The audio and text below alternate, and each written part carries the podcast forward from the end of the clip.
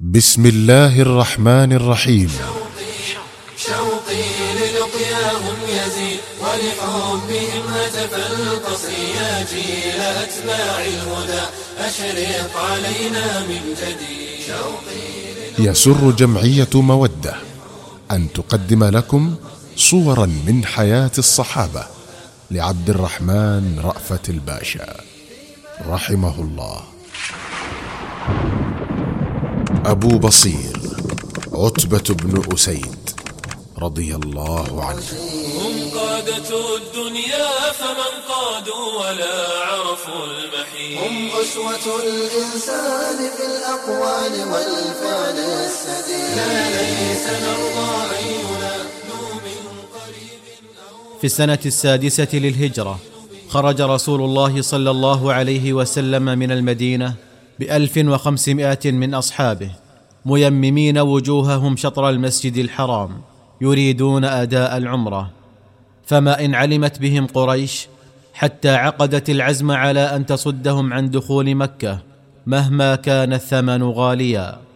لكنها آثرت أن يتم ذلك صلحا إذا وجدت للصلح سبيلا. ولما بلغ الرسول عليه الصلاة والسلام منطقة الحديبية على بعد مرحلة من مكة وحط رحاله فيها. طفقت السفراء تروح وتغدو بينه وبين قريش. وطال بين الفريقين التراجع والتفاوض إلى أن جاء سهيل بن عمرو سفيرا للمشركين. وصالح رسول الله صلى الله عليه وسلم على أن يقفل عائدا إلى المدينة وأن يرجئ عمرته إلى العام القادم. شريطة أن يدخل مكة بغير سلاح. وأن يخرج منها هو ومن معه بعد ثلاثة أيام وأن يكون بين المسلمين وقريش صلح مدته عشرة أعوام يسود خلالها السلام بين الفريقين. فعظم الأمر على المسلمين وكبر عليهم أن يصدهم المشركون عن بيت الله الحرام هذا الصد وأن يبرموا مع قريش هذا العقد.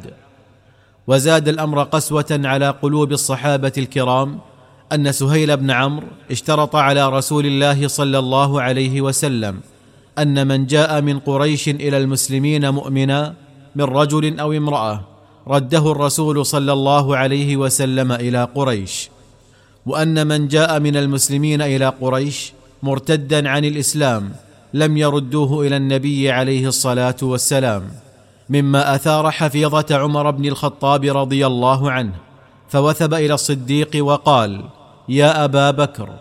قال نعم. قال أليس محمد برسول الله؟ قال بلى. قال ألسنا بالمسلمين؟ قال بلى.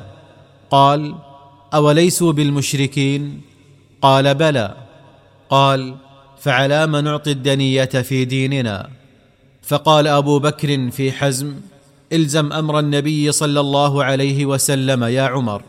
وإني أشهد أنه رسول الله. فقال عمر وأنا أشهد أنه رسول الله. ثم مضى عمر إلى النبي عليه الصلاة والسلام وقال يا نبي الله ألست برسول الله؟ قال بلى. قال أولسنا بالمسلمين؟ قال بلى. قال أوليسوا بالمشركين؟ قال بلى. قال فعلى ما نعطي الدنية في ديننا؟ فقال عليه الصلاة والسلام إني عبد الله ورسوله ولن أخالف أمره ولن يضيعني الله أبدا. قال عمر فما زلت بعد ذلك أتصدق وأصوم وأصلي وأعتق مخافة كلام الذي تكلمت به يومئذ حتى رجوت أن يكون الله قد عفى عني. ولما تم توقيع العقد بين النبي عليه الصلاة والسلام وقريش قفل الرسول صلى الله عليه وسلم راجعا إلى المدينة لكنه ما كاد يستقر بها قليلا حتى تعرضت ذمته صلى الله عليه وسلم ومواثيقه لاختبار قاس بسبب أبي بصير عتبة بن أسيد بطل قصتنا هذه. فلنترك له الكلام ليروي قصته المثيرة.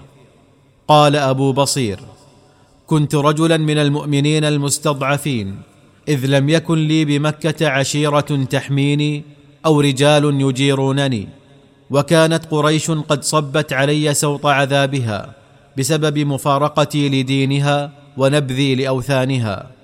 ولما أخذ المسلمون يهاجرون إلى المدينة حبستني قريش فلم تسمح لي بالهجرة مع المهاجرين وتركتني أتقلب على نار مشبوبة من غيظها وحقدها.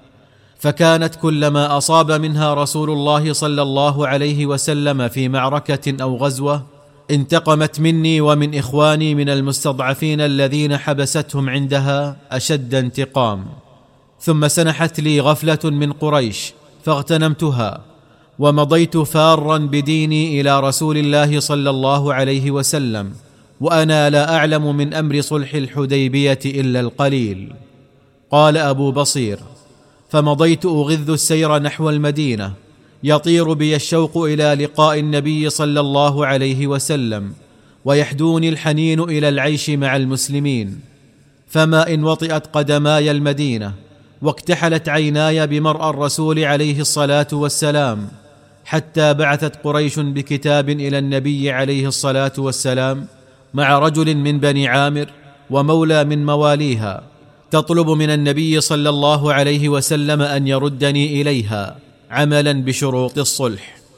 قال أبو بصير ولم أكن أتوقع أن يأمرني رسول الله صلى الله عليه وسلم بالرجوع إلى ما كنت فيه من البلاء والعودة إلى أسر قريش بعد أن نجوت منهم بنفسي وديني ولكن الرسول عليه الصلاة والسلام التفت إلي وقال يا أبا بصير إنا قد أعطينا هؤلاء القوم ما قد علمت من العهد ولا يصلح في ديننا الغدر. وإن الله جاعل لك ولمن معك من المستضعفين فرجا ومخرجا فانطلق إلى قومك. فقلت يا رسول الله أتردني إلى المشركين يفتنونني في ديني؟ قال صلى الله عليه وسلم يا أبا بصير انطلق فإن الله تعالى سيجعل لك ولمن معك من المستضعفين فرجا ومخرجا. قال أبو بصير فانطلقت مع الرجلين حتى إذا كنا بذي الحليفة على بعد سبعة أميال من المدينة جلسنا لنصيب شيئا من الراحة فقلت للقرشي أصارم سيفك هذا يا أخا بني عامر؟ فقال نعم وجعل يقص علي من خبره كيت وكيت فأبديت له عجبي منه. فلما رآني أعجب من السيف هذا العجب قال انظره إن شئت. فلما صار السيف في يدي قلت في نفسي مشرك يقودني إلى المشركين ليفتنوني عن ديني ويذيقوني شر العذاب. والله لا أنقاد له ولا أمضي معه. لقد برئت ذمة رسول الله صلى الله عليه وسلم حين أسلمني إليه. فما علي إذا قتلته. ثم سللت السيف من غمده وعلوت رأسه به وقتلته. فلما رأى المولى الذي كان معه مصرعه ولى هاربا من وجهي فلم أتبعه إذ لم يكن لي به أرب.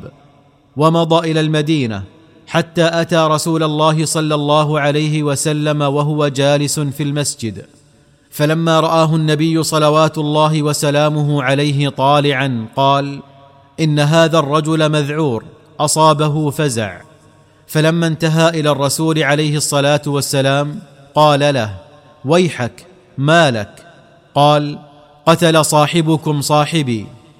قال أبو بصير فوالله ما برح الرجل من مكانه حتى طلعت على رسول الله صلى الله عليه وسلم متوشحا السيف الذي قتلت به القرشي. وقلت يا رسول الله قد وفت ذمتك وأدى الله عنك. قال وكيف؟ قلت لقد وفيت بعهدك وأسلمتني إلى القوم يدا بيد ثم امتنعت أنا بنفسي منهم ونجوت بديني مخافة أن يفتنوني أو يعبثوا بي. فالتفت الرسول صلى الله عليه وسلم إلى من معه وقال ويل أمه من مسعر حرب لو كان معه رجال. فوقعت مقالته هذه من نفسي موقعا.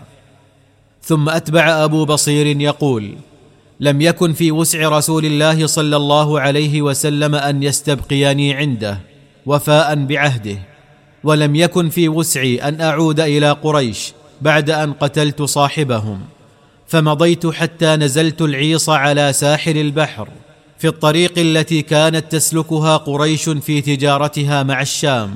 وأقمت هناك.